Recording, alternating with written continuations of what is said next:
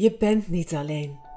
Je bent verbonden met elk deel van dit prachtige leven waarin het goddelijke zich beweegt door jou. Als jou. Jij bent die vonk van leven die zichzelf ervaart in de uitdagingen en mogelijkheden van het leven. Diep in jouw ziel ligt die vonk verborgen, wachtend tot jij hem binnenlaat. Dat is de kracht van een soulvol leven. Deze podcast geeft je de tools om je te openen voor een vrij en authentiek leven. Welkom in Your Soulful Life met Judith Groeneveld. Wat fijn dat je weer luistert naar deze aflevering van Your Soulful Life podcast. Het is de negende alweer en het is een hele bijzondere uh, aflevering. Ik maak hem samen met mijn beste vriendin, Maaike, welkom. Hi, dankjewel. Fijn dat je er bent. En waarom is ze hier nou? We hebben samen met kerst uh, mooie dingen gedaan, ook voor andere mensen. Hmm. En we zaten daar zo over te praten en ineens dachten we, oh, het zou zo mooi zijn om hier een podcast van te maken.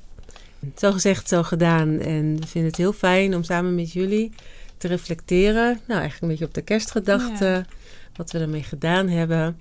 Maar ook zo in, uh, in het nieuwe jaar, als deze podcast online gaat, dan is het uh, bijna oud en nieuw. Van, goh, hoe, uh, ja, hoe neem je dat nou mee het nieuwe jaar in en wat doe je daarmee? Dus hmm. daarom zitten we hier bij het haardvuur. Misschien kun je het horen op de achtergrond. Heerlijk fijn, zo net na de feestdagen. Of tenminste, ja, ik vind het eigenlijk één grote feestdag, feestdag, vind je niet? Het is een feestperiode. ja, het is eigenlijk een feestperiode, ja. Dus ja, het is nog helemaal, zit helemaal nog in die sfeer. En um, ja, het is, een, het is een bijzondere tijd voor mij, om, omdat ik uh, het anders vier dan dat ik gepland had. Maar ja, dat doet het leven zo een beetje. Mhm. Dan, dan word je voor keuzes gesteld. En ik merk als je daaraan overgeeft, dan wordt het eigenlijk bijzonderder dan dat je had kunnen ja. denken. dat is echt wel heel speciaal. Ja, want ik zou in Frankrijk zijn. Ik ook. En, jij ook. Maaike zou daar lekker heen komen. We zouden daar heerlijk in, uh, in het Franse landschap uh, kerst vieren en uit en nieuw. Maar ja, we belanden midden in Nederland uh, bij mijn ouders in huis. Dus, ja, het gaat niet heel goed met mijn moeder en dat gaat zien er ogen achteruit. Dat is ook de reden dat ik besloten heb niet naar Frankrijk te gaan. En ja, me eigenlijk over te geven aan zo, aan oké, weet je, waar ben ik nodig? Wat, wat is, uh, ik denk dan altijd in termen van de flow van het leven. En dat is voor mij, ja, flow heeft ook een soort van hippe, hippe betekenis, maar mm. voor mij betekent het heel erg de stroom van het leven volgen. Daar waar het leven ja, je eigenlijk ook uitnodigt om te zijn en wie je bent. En Maaike, Maaike is, uh, is ja, is een hele goede vriendin van me, maar is ook niet zomaar iemand. Maaike studeert, zeg het zelf maar even, wat studeer je? Uh, voor geestelijk verzorger, spiritual care. Ja, nou, is ook, ja, en dat is echt Maaike ten voeten uit. Dat, ja, als iemand dat kan, dus ook uh, heel mooi dat je dit zo hè, bent, yeah. bent gaan studeren, omdat je echt voelde dat dat jouw ding was. En jouw achtergrond is de cursus in wonderen. Ja, Klopt. En die kan ik daar uh, ook wel heel erg, dat gedachtegoed kan ik daar wel heel erg in kwijt. Omdat de basis van uh, geestelijke verzorging is eigenlijk zijn, aanwezig zijn um, met dat wat is. En hoe sluit de cursus in wonderen daarop aan voor jou? Om, omdat een cursus in wonderen mij uh, helpt om te voelen dat, dat we allemaal één zijn. En in die verbinding um, kan ik samen zijn met iemand en met dat wat er is op dat moment. En stel nou dat iemand, uh, uh, nou om, om even maar terug te pakken bijvoorbeeld naar mijn ouders, hè, heel christelijk is. Mm. Ik ben zelf op een andere manier sta ik in het leven, dus dat is misschien wel een mooie, ja, om, om het daarover te hebben, over die kerstgedachten. Als jij voor iemand of met iemand komt te zitten die islamitisch is of die, uh, nou, heel christelijk is en hoe doe je dat dan vanuit? Uh... Wat ik me altijd probeer te herinneren als ik iemand ontmoet, is dat ik mezelf ontmoet um, in die andere persoon.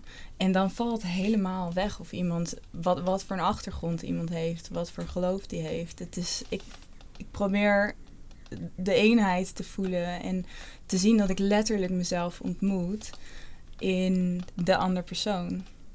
Dat is wel een hele mooie gedachte. Ja. En dat is, ja, in, denk in de wereld van spiritualiteit ook wel heel universeel. Ja. En iedereen geeft daar natuurlijk vanuit zijn eigen gedachtegoed een bepaalde draai aan. Maar als je het bewustzijn kunt leven dat je jezelf in de ander terug kunt zien. Ja. Ik had het daar toevallig met, uh, met mijn, mijn klantengroep over de laatste verdiepingsles die we hadden met de training. Toen in de meditatie kwam dat ook terug. Dat je als je jezelf ziet in de ander.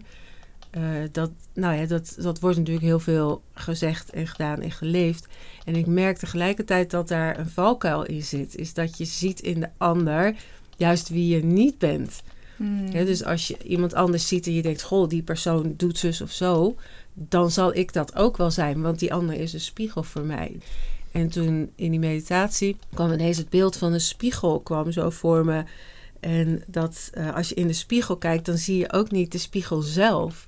Maar je ziet jouw beeld in de spiegel. Dus je kijkt eigenlijk achter de spiegel. Ja. En ik denk dat dat een stap verder is dan te zeggen dat wat je buiten je ziet is een spiegel voor wie jij bent.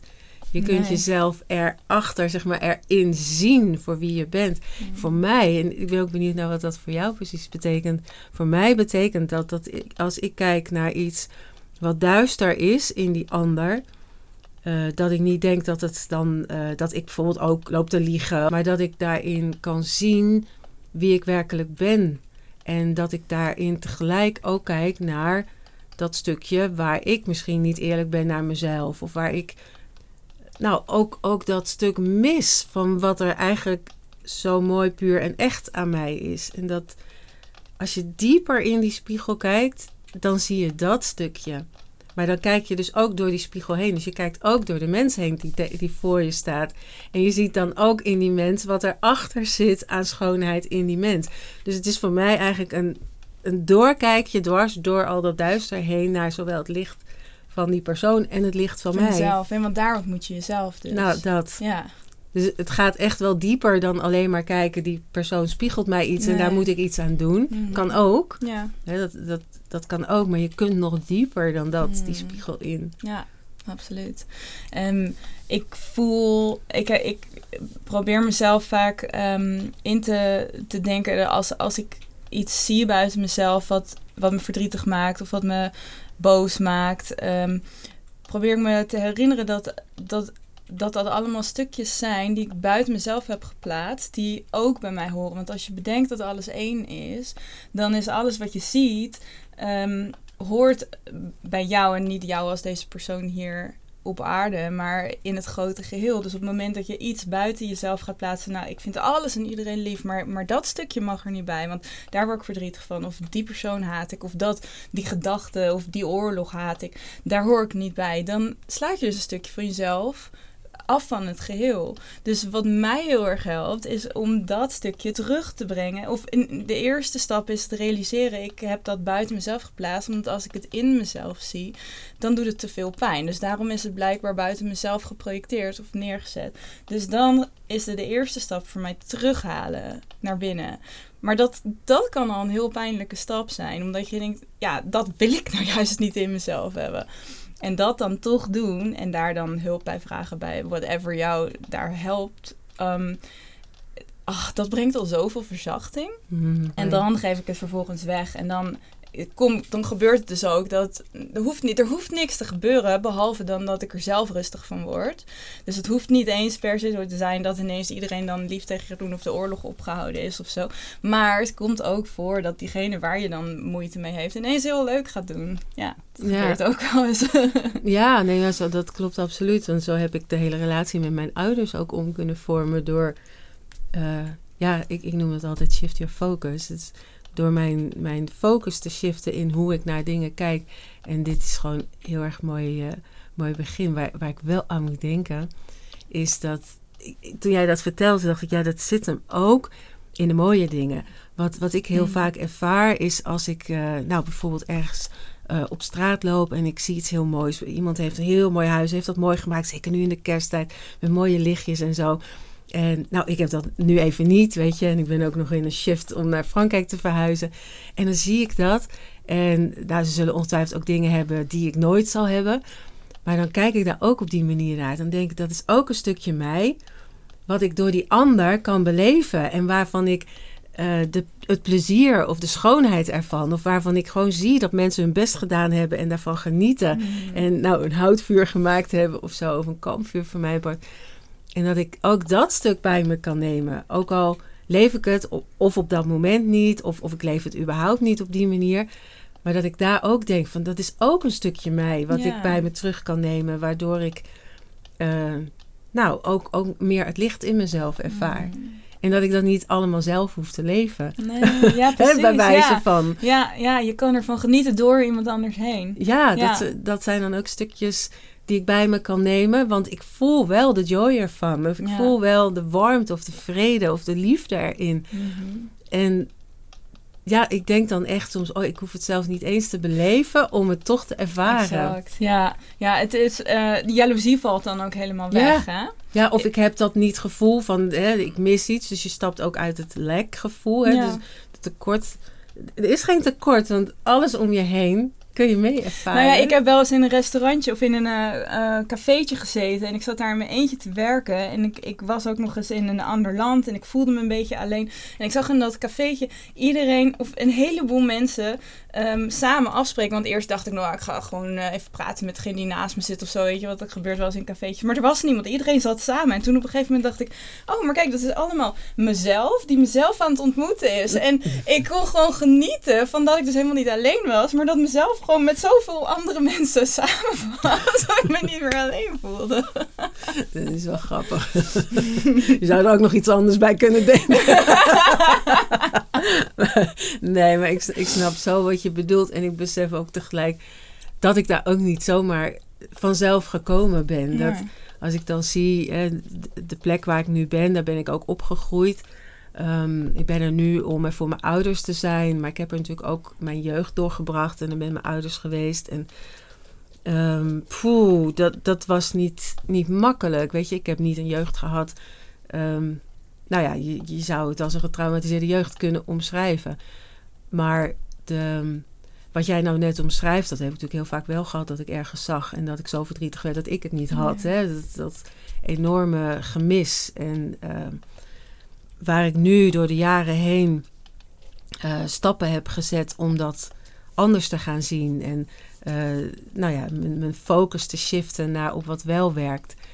Dat, dat heeft me nu, eh, ja, we hadden het erover, hè, dat wat ik nu gedaan heb deze kerst met mijn ouders, dat dat een soort van full circle gekomen Mm, is. Naar dat ik dingen gedaan heb waarvan ik niet had kunnen verwachten dat ik, hè, toen ik daar middenin zat, dat ik dat ooit zou, zou kunnen doen of zou kunnen ervaren. Of dat ik die liefde tussen mij en mijn ouders op die manier zou kunnen voelen. Ehm, voor mij zo, om dat dan ook nog rond de kersttijd te mogen ervaren met ze en, en dat te doen. Dat,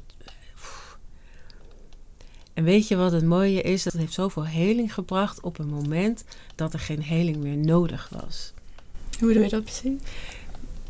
Ik, ik, ik hoefde niet meer iets te ontvangen. Ik hoefde niet meer ehm, gezien te worden. Ik hoefde niet meer begrepen te worden. Dat in mij was dat gevoel van zelfwaardering en, en respect, maar ook van onvoorwaardelijke liefde. Niet alleen naar mijn ouders, maar ook naar mezelf. Was al zo gegroeid dat ik nu merk op, op dit moment dat ik ook onvoorwaardelijk de keuze had gemaakt om er deze kerst en waarschijnlijk nog wel iets langer voor ze te zijn, omdat ze dat gewoon nodig hebben nu. Eh, dat ik die keuze onvoorwaardelijk heb gemaakt, dat er ineens dingen gebeuren die Maar gewoon... zou het dan ook eigenlijk niet kunnen zijn dat die heling al is geweest? En dat dan dus die dingen Ja, gebeuren? exact. Ja. Ja. ja. maar dan. Juist dan. Ja, ik, ik kan het wel uitleggen. Ik, eh, ik moest, eh, mijn ouders zijn heel erg christelijk. En ik heb eigenlijk van jongs af aan niet hetzelfde gevoel gehad over hoe zij eh, ehm, in de hemel en God en ook in de duivel en het kwaad geloofden. En dat was voor mij als jong kind altijd al letterlijk een vraagstuk. Ik vroeg dat altijd letterlijk aan ze, van hoe kan dat? En ik heb daar nooit afdoende een antwoord op gekregen. En in de manier waarop ik zag dat mijn ouders leefden, was dat meer vanuit donker dan vanuit licht. En er was heel veel wat niet kon en heel veel van wat ik wilde, wat natuurlijk duivels was en niet goed was. En dat ging heel ver. Ehm, ik, ik bleek eh, eigenlijk pas later, toen ik twintiger was of zo, bleek dat ik heel erg een theatermens ben. Nou, daar had ik toen eigenlijk nog nooit van gehoord. Behalve dan dat ik uh, soms uh, spullen pakte en een soort van de dominee op de kansel ging nadoen. Want dat was mijn beeld. Maar later zag ik dat ik gewoon aan het theater spelen was. Alleen ik gebruikte wat ik kende. En nou, dat, dat draaide zich om toen ik, uh, toen ik zelf een zoon kreeg en bij hem op school ineens werd uitgenodigd om vanuit de ouders theater voor ze te maken. En wauw, er ging een wereld voor me open. En iedereen riep ook van jeetje, hoe lang speel je al? Nou, nog nooit gedaan. Maar poeh, het ik heb was... wel de dominee nagedaan. Ja, het was alsof, alsof ik tot leven kwam. En dat ging natuurlijk steeds meer botsen, ook met mijn ouders en hun visie op, op dat dat eigenlijk allemaal niet kon.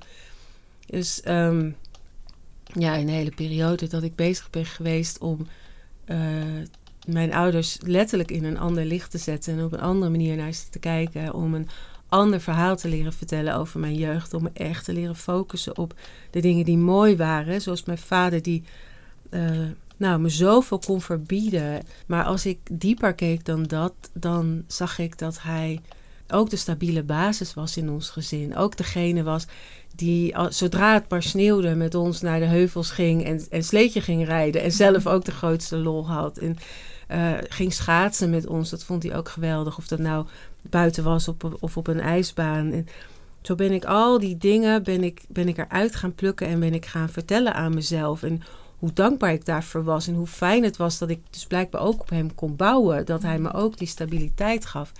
Nou, en zo veranderde mijn, mijn beeld op hoe mijn ouders waren. En met mijn vader kon ik al redelijk snel het contact herstellen. Um, ja, mijn moeder heeft gewoon door haar eigen traumatische jeugd nooit moeder kunnen zijn. En ik heb haar dat natuurlijk heel erg kwalijk genomen, want ik had die moeder ja. wel nodig.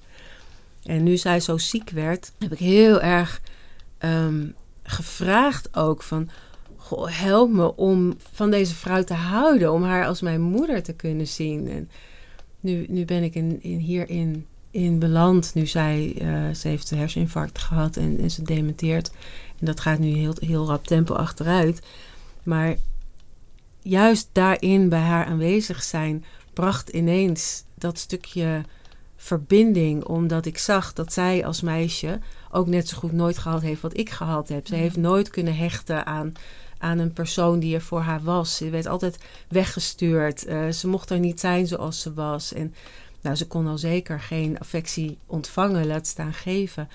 En nu, nu zijn natuurlijk ook wat, wat grenzen vervaagde, zeg maar, in haar, haar, nou, in haar dementie. Merkte ik, het enige wat zij nodig heeft, is een arm om haar heen. Mm. Is dat er iemand voor haar is. Maakt niet uit hoe ze is, maar dat er iemand is die ja. gewoon er voor haar is. En dat kon ik haar gewoon geven. En daarin besefte ik wel dat ik het mezelf ook gaf. Ja. En dat ik met haar aan het hele was mm. in, in, ja, in, in ons gezamenlijk stuk eigenlijk, weet je, in dat moeder-dochter stuk. En um, ja, de, het raakt me wel, weet je, dat is zo.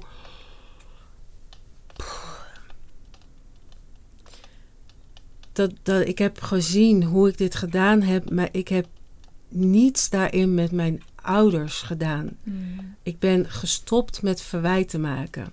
Ik ben begonnen met te kijken waar we iets hadden wat fijn was samen. Waar, alsof ik nieuwe ankers aan het maken was waarop ik kon bouwen. Waarop ik mijn verleden opnieuw kon opbouwen. En dat gebeurde. Puur omdat ik van binnenuit, um, nou om nog maar even over die spiegel te hebben, in een andere spiegel ging kijken. Ik keek niet meer naar de spiegel zelf. En verweet de spiegel dat hij niet deed wat, of niet liet zien wat ik zo graag wilde zien. Maar ik keek in die spiegel niet alleen naar wie ik werkelijk was, maar wie dus ook zij. Hè? Wat jij al zei, we zijn één. Wie zij werkelijk waren. En Mike, het mooiste, en ook dankzij jou, en je weet hoe, hoe nog als ik daaraan denk, voel ik zoveel warmte. Ik heb uh, vlak voor de kerst, uh, omdat we het niet samen konden vieren, hadden we bedacht, of ik had eigenlijk bedacht, ik wil heel graag mijn uh, moeder nog één fijne kerst geven. Want ik weet, volgend jaar weet ze het gewoon niet meer. Als ze er nog is. Hmm. Maar ik- en dan wil ik haar broers uitnodigen en haar schoonzus en een kerstdiner maken. En ik had jou gevraagd, eh, wil je me helpen? Yes. Dus jij bent de kerst hier ook gekomen. Dat was super fijn. Maar ik had in een soort opwelling had ik eh, gereserveerd bij een, een, een christelijke theaterachtige gemeente, zeg maar. De doorbrekers heten misschien dat mensen eh, die luisteren weten wat het is. Ik had er nog nooit van gehoord, maar ik vond het wel fijn om iets van een kerstnachtdienst te doen. Ja. En toen zag ik dat en toen had ik, voordat ik het wist, had ik gereserveerd. ja, ik wist ook niet zo goed waarom. En toen later pas ineens viel er een soort kwartje. Toen dacht ik, wat zou het nou fijn zijn om hè, mijn vader die nooit weg kan. En Hmm. nou ja, misschien wil hij wel mee. Dus ik tegen jou, ik zeg, zou jij bij mijn moeder willen zijn? En dat, nou, dat wou je. Dat tuurlijk. was zo fijn. Dus toen ben ik daarheen gegaan. Het was voor mijn vader best een hele stap om Mm. niet naar een geëikte kerkdienst te gaan, maar met mij mee te gaan naar zoiets als een theaterdienst. Ja. Maar het was zo bijzonder om te zien hoe die twee werelden, hè, mijn theaterwereld en zijn christelijke wereld, samenkwamen in een dienst. Hmm. En nu stond ik daar met mijn vader, mijn arm door zijn, zijn eh, arm. En stonden we daar samen en zo vanuit mijn hart ere zijn God te zingen. En, en alles wat daar gezegd en gedaan werd, eh, dat kon ik zien voor wat het was. Weet je, niet alles resoneerde met mij, maar dat gaf allemaal niet. Ik was daar gewoon in wie ik was met mijn vader. En mijn vader zag ik precies hetzelfde doen. Hmm. En toen we, toen we thuis kwamen, nou, ik heb me nog nooit zo warm gevoeld. En ik heb foto's gemaakt met mij en mijn vader. En dat ik dacht, nou, ik, ik had nooit kunnen denken dat ik zulke foto's van mij en mijn vader zou hebben. Maar vooral de herinnering. En ik zie het ook in zijn ogen, weet je. Dat, en toen dacht ik, ja, nou zijn we full circle. Ja. Dit, is, dit is waar ja, het gewoon samenkomt in waar we elkaar gevonden hebben in die onvoorwaardelijke liefde. Ja. Nou, het doet me ook een beetje denken aan wat ik in het begin zei. Of jij, jij vroeg hoe, hoe het dan was om met ineens met christelijke mensen of isla- islamitische mensen om te gaan. En dat ik zei dat het valt gewoon weg, want je bent met wat het is. En mijn traumatisering rondom geloof is veel minder, of eigenlijk niet, dan dat van jou. Maar daar moet ik wel aan denken als je dit zegt. Dat je bent in een ruimte met elkaar waar dat allemaal niet meer uitmaakt. En, en, en je hebt die heling ook gehad. Dus, dus je kan uit volle borst eren zij God zingen, omdat het niet over die vorm gaat. Ja, exact. Ja, mooi. Heb je mooi gezegd. Ja, ja, dat. Ja. Het gaat om iets heel anders. En vroeger ging het natuurlijk wel om die vorm. Hmm. Dan, dan vond ik dat vreselijk als ik in zo'n kerk moest staan en dingen moest doen die ik niet wilde. En er zat zoveel pijn en verwijt achter. En weet je, het maakte niet meer uit. Ik was toch wel wie ik was. Hè? Mm. D- Nu, eh, bij die, bij die dienst. Ja. ik, ik kan gewoon zijn wie ik ben. En vanuit daar stroomt die liefde ook gewoon. En ik merk dat in de jaren dat ik hiermee bezig ben geweest, dat mijn ouders gewoon mee zijn veranderd. Hmm. En niet dat zij nu zelf zo helemaal anders in het leven staan, maar het kan niet anders dan dat ze mee resoneren in die liefde. En vanuit daar ehm, ja, heeft onze relatie gewoon een hele mooie vorm gekregen. Ja. Dus ik ben zo ongelooflijk dankbaar dat, eh, ja, dat ook, dat ik zo heb, heb mogen leren leven. En eh, wat het dan geeft, die, die ruimte inderdaad waar je samen in staat, waar geen oordelen meer zijn en Ja. waar het leven is zoals het is, goed in zichzelf. Hè, zo. Hmm. Ik zit ondertussen naar het haardvuur te kijken en ik zie, zie zo dat, dat flikkeren van die vlammen. En ik denk, ja, dat licht van. eh, we doen niet voor niks met kerst ook lichtjes branden. De lichtjes Mm. staan heel erg centraal met kerst als je Ja. buiten loopt. En de kerstboom die staat ernaast. En zie ik daar die lichtjes in. En denk, ja, dat. Het is geen grap gewoon. Het is echt. Mm. Snap je? Echt Ja. dat lichtje wat je in jezelf bewaart, ook in het diepste duister. Ehm, ik kan rustig zeggen dat ik met mijn ouders best in een duister stuk terecht was gekomen, Mhm. relationeel. En juist diep daarin hebben we gewoon dat licht weer teruggevonden. Ja. Maar dat vraagt wel even wat. Nou, Ja. precies. Ik heb wel eens iemand horen zeggen: je bent nooit te oud om nog een gelukkige jeugd te hebben gehad. En ja, dat is eigenlijk precies wat je gedaan hebt. ja, maar ook voor mijn vader. Ja. Ja, dan denk ik he- heel, heel klein stukje. Denk dan van mij, goh, hadden we dit ook niet twintig jaar geleden kunnen doen? Blijkbaar niet. Nee. Maar nu heeft het dus zoveel meer waarde. Hmm. Weet je, omdat we het vanuit het duister hebben opgegraven en er iets, iets, eh, iets lichts van gemaakt hebben. En nog steeds staat hij anders in het leven dan ik. Maar we hebben wel een vonk van dat vuur wat we samen delen. Ja, ja ik, ik zie het ook in hem. Want ik, ik ben ook niet christelijk. Maar ik kan uh, ik kan hem wel vangen op de dingen die hij interessant vindt. Zoals dat boek wat hij nu aan het lezen is, uh, The, Shack. Yeah. en, en het feit dat ik dat dan kende. En dan zie je dat vuur aangaan in zijn ogen. En dan denk je, ja, maar daar, dat is, waar, dat is wat ik met mijn beroep bij geestelijk verzorger ook wil doen. Dat is waar ik wil verbinden. En het gaat niet om of je diezelfde vorm hebt. Maar in, in dat licht, in dat flikkertje in iemands ogen. Dat is, dat is het. Ja daar gaat alles over. Hè? Dat, dat is, um, als je het dan over de kerstgedachte hebt.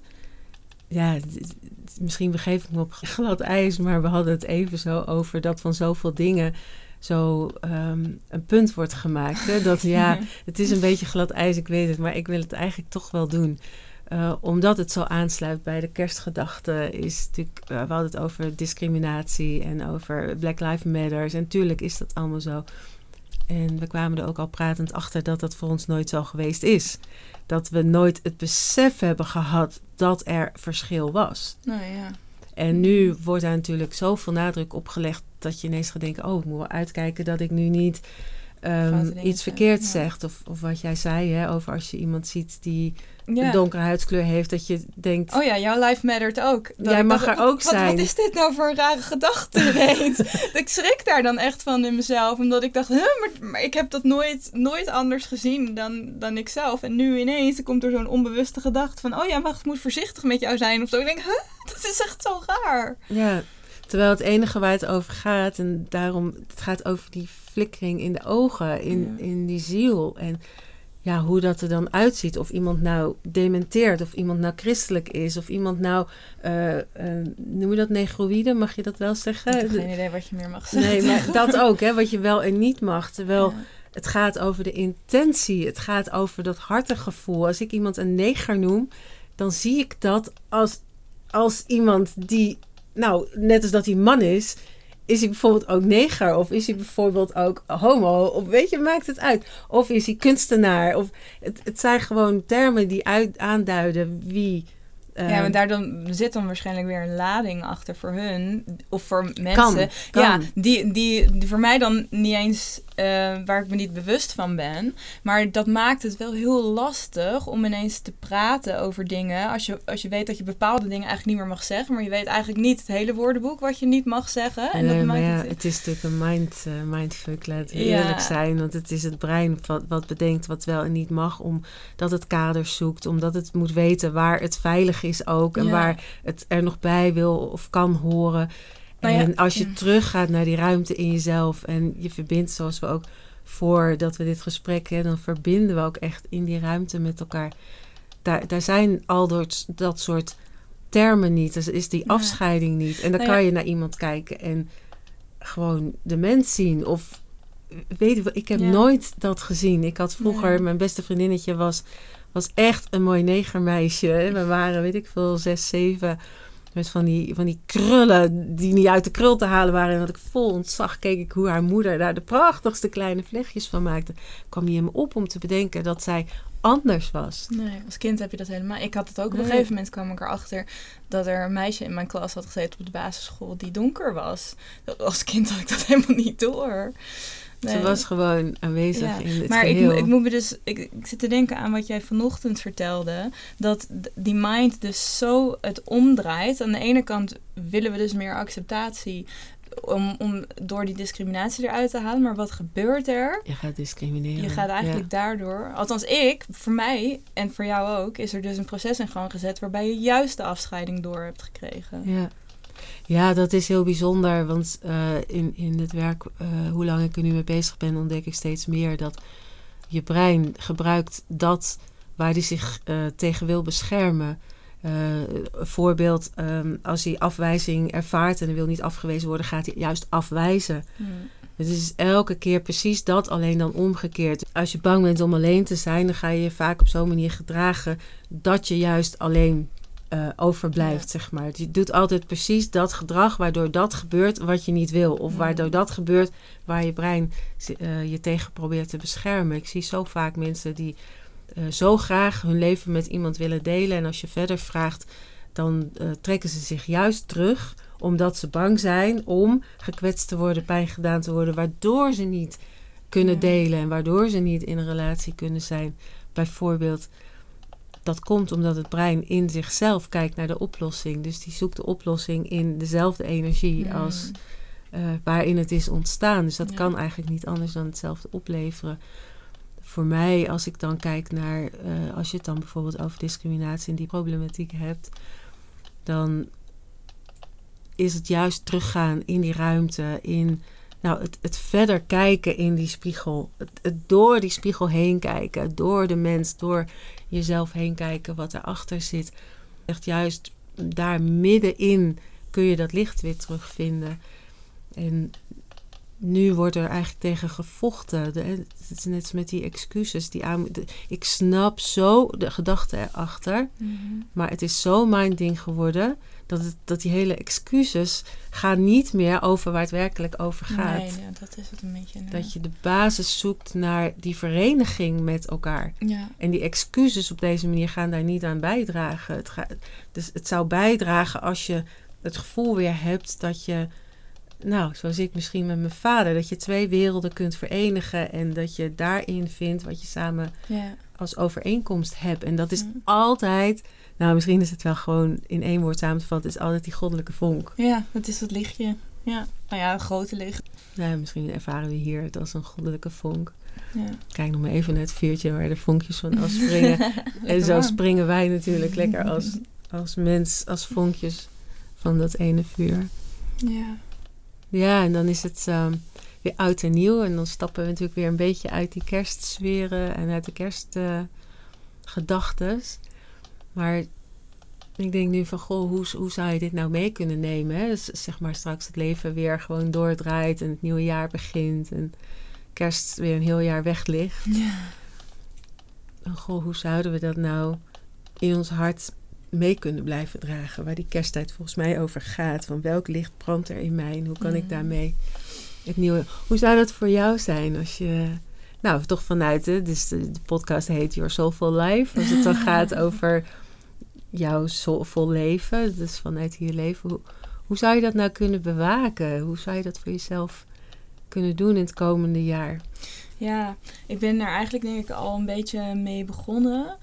Uh, sinds, nou, in de laatste paar maanden. Um, niet specifiek met het licht, want dat komt er nu bij. Maar ik merk dat mijn, de manier waarop ik ben gaan leven in de afgelopen paar maanden is meer vanuit, het, vanuit rust uh, gegaan. Um, omdat ik eerst daarvoor heel erg het gevoel had: er moet zoveel, ik, ik moet van alles gedaan krijgen en het is druk en dat moet ik dan allemaal eerst doen en dan kan ik daarna als dat dan weg is, kan ik vanuit mijn rust, dan kan ik mijn rust vinden en dat licht vinden en dan kan ik mijn rust gaan leven. Maar dat werkt nooit, want er komt iedere keer weer wat bij. En ik, ik merkte op een gegeven moment, was het september of zo, toen mijn opleiding ook weer verder ging na wekenlang vakantie, dat ik dacht, en nu ga ik het anders doen. Nu ga ik dus vanuit de chaos in de rust leven. In plaats van eerst die chaos weg te werken, ga ik gewoon vrede in de chaos vinden. En dat is eigenlijk alleen maar die beslissing geweest. Ja, shift je focus. Ja, precies. Ja, ja. En van oké, ik, ik, ik heb chaos om me heen. Ik moet veel doen. Maar er zit in mij dus dat stukje vrede. En daarin kan ik... Uh, dat kan ik ervaren altijd. Of ik nou wel of niet die chaos heb. En dan gaat het leven dan gaat het leven gewoon zoals het gaat. En nu je het over het licht hebt, en dit is voor mij ook een bijzondere kerst geweest, want je weet hoe een hekel ik aan kerst heb. Ja, ja. Had. ja had eigenlijk. Ja, ik door ook door gewoon allerlei nare ervaringen en depressieve ervaringen vroeger rondom kerst is dat heel erg in mijn brein gaan zitten.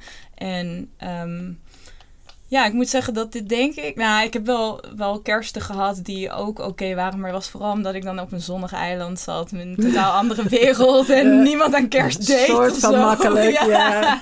Ja, maar nu heb ik helemaal het kerst beleefd. Want we hebben gisteren een prachtig kerstdiner gemaakt. En, en het was helemaal kerst. En er staat zelfs een kerstboom hier in de kamer. Ja, bij mij ontkom je niet aan kerst, want ik hou zo van kerst. Ja, dus we zijn echt opposites daar. En jullie zei ook, je mag alleen maar komen. Als je dat wel aan kan, kan je dat aan? Ik zeg, ja, ik kan het aan. Nou, ik, ik heb er echt nul, nul weerstand tegen gehad. Ik heb zelfs een kerstfilm gekeken. En meerdere. Met en, elfen erin. en ik vond hem leuk. Wat Ja. was het ook weer? Eh, Boy Called Christmas. Oh, maar die, die is ook echt leuk. Ja, het ontstaan van kerst. Ja, maar goed, nu, nu komt dat licht er dus bij. Dus als je zegt, hoe gaat dat dan verder? Dan zie ik alleen maar dat die, die ruimte in me waar ik die vrede vind... niet alleen rust en vrede is, maar ook licht. En dat dat gewoon door uitstraalt daar, daarin. Ja. ja, wat mij heel erg helpt is inderdaad eh, door die spiegel heen te kijken.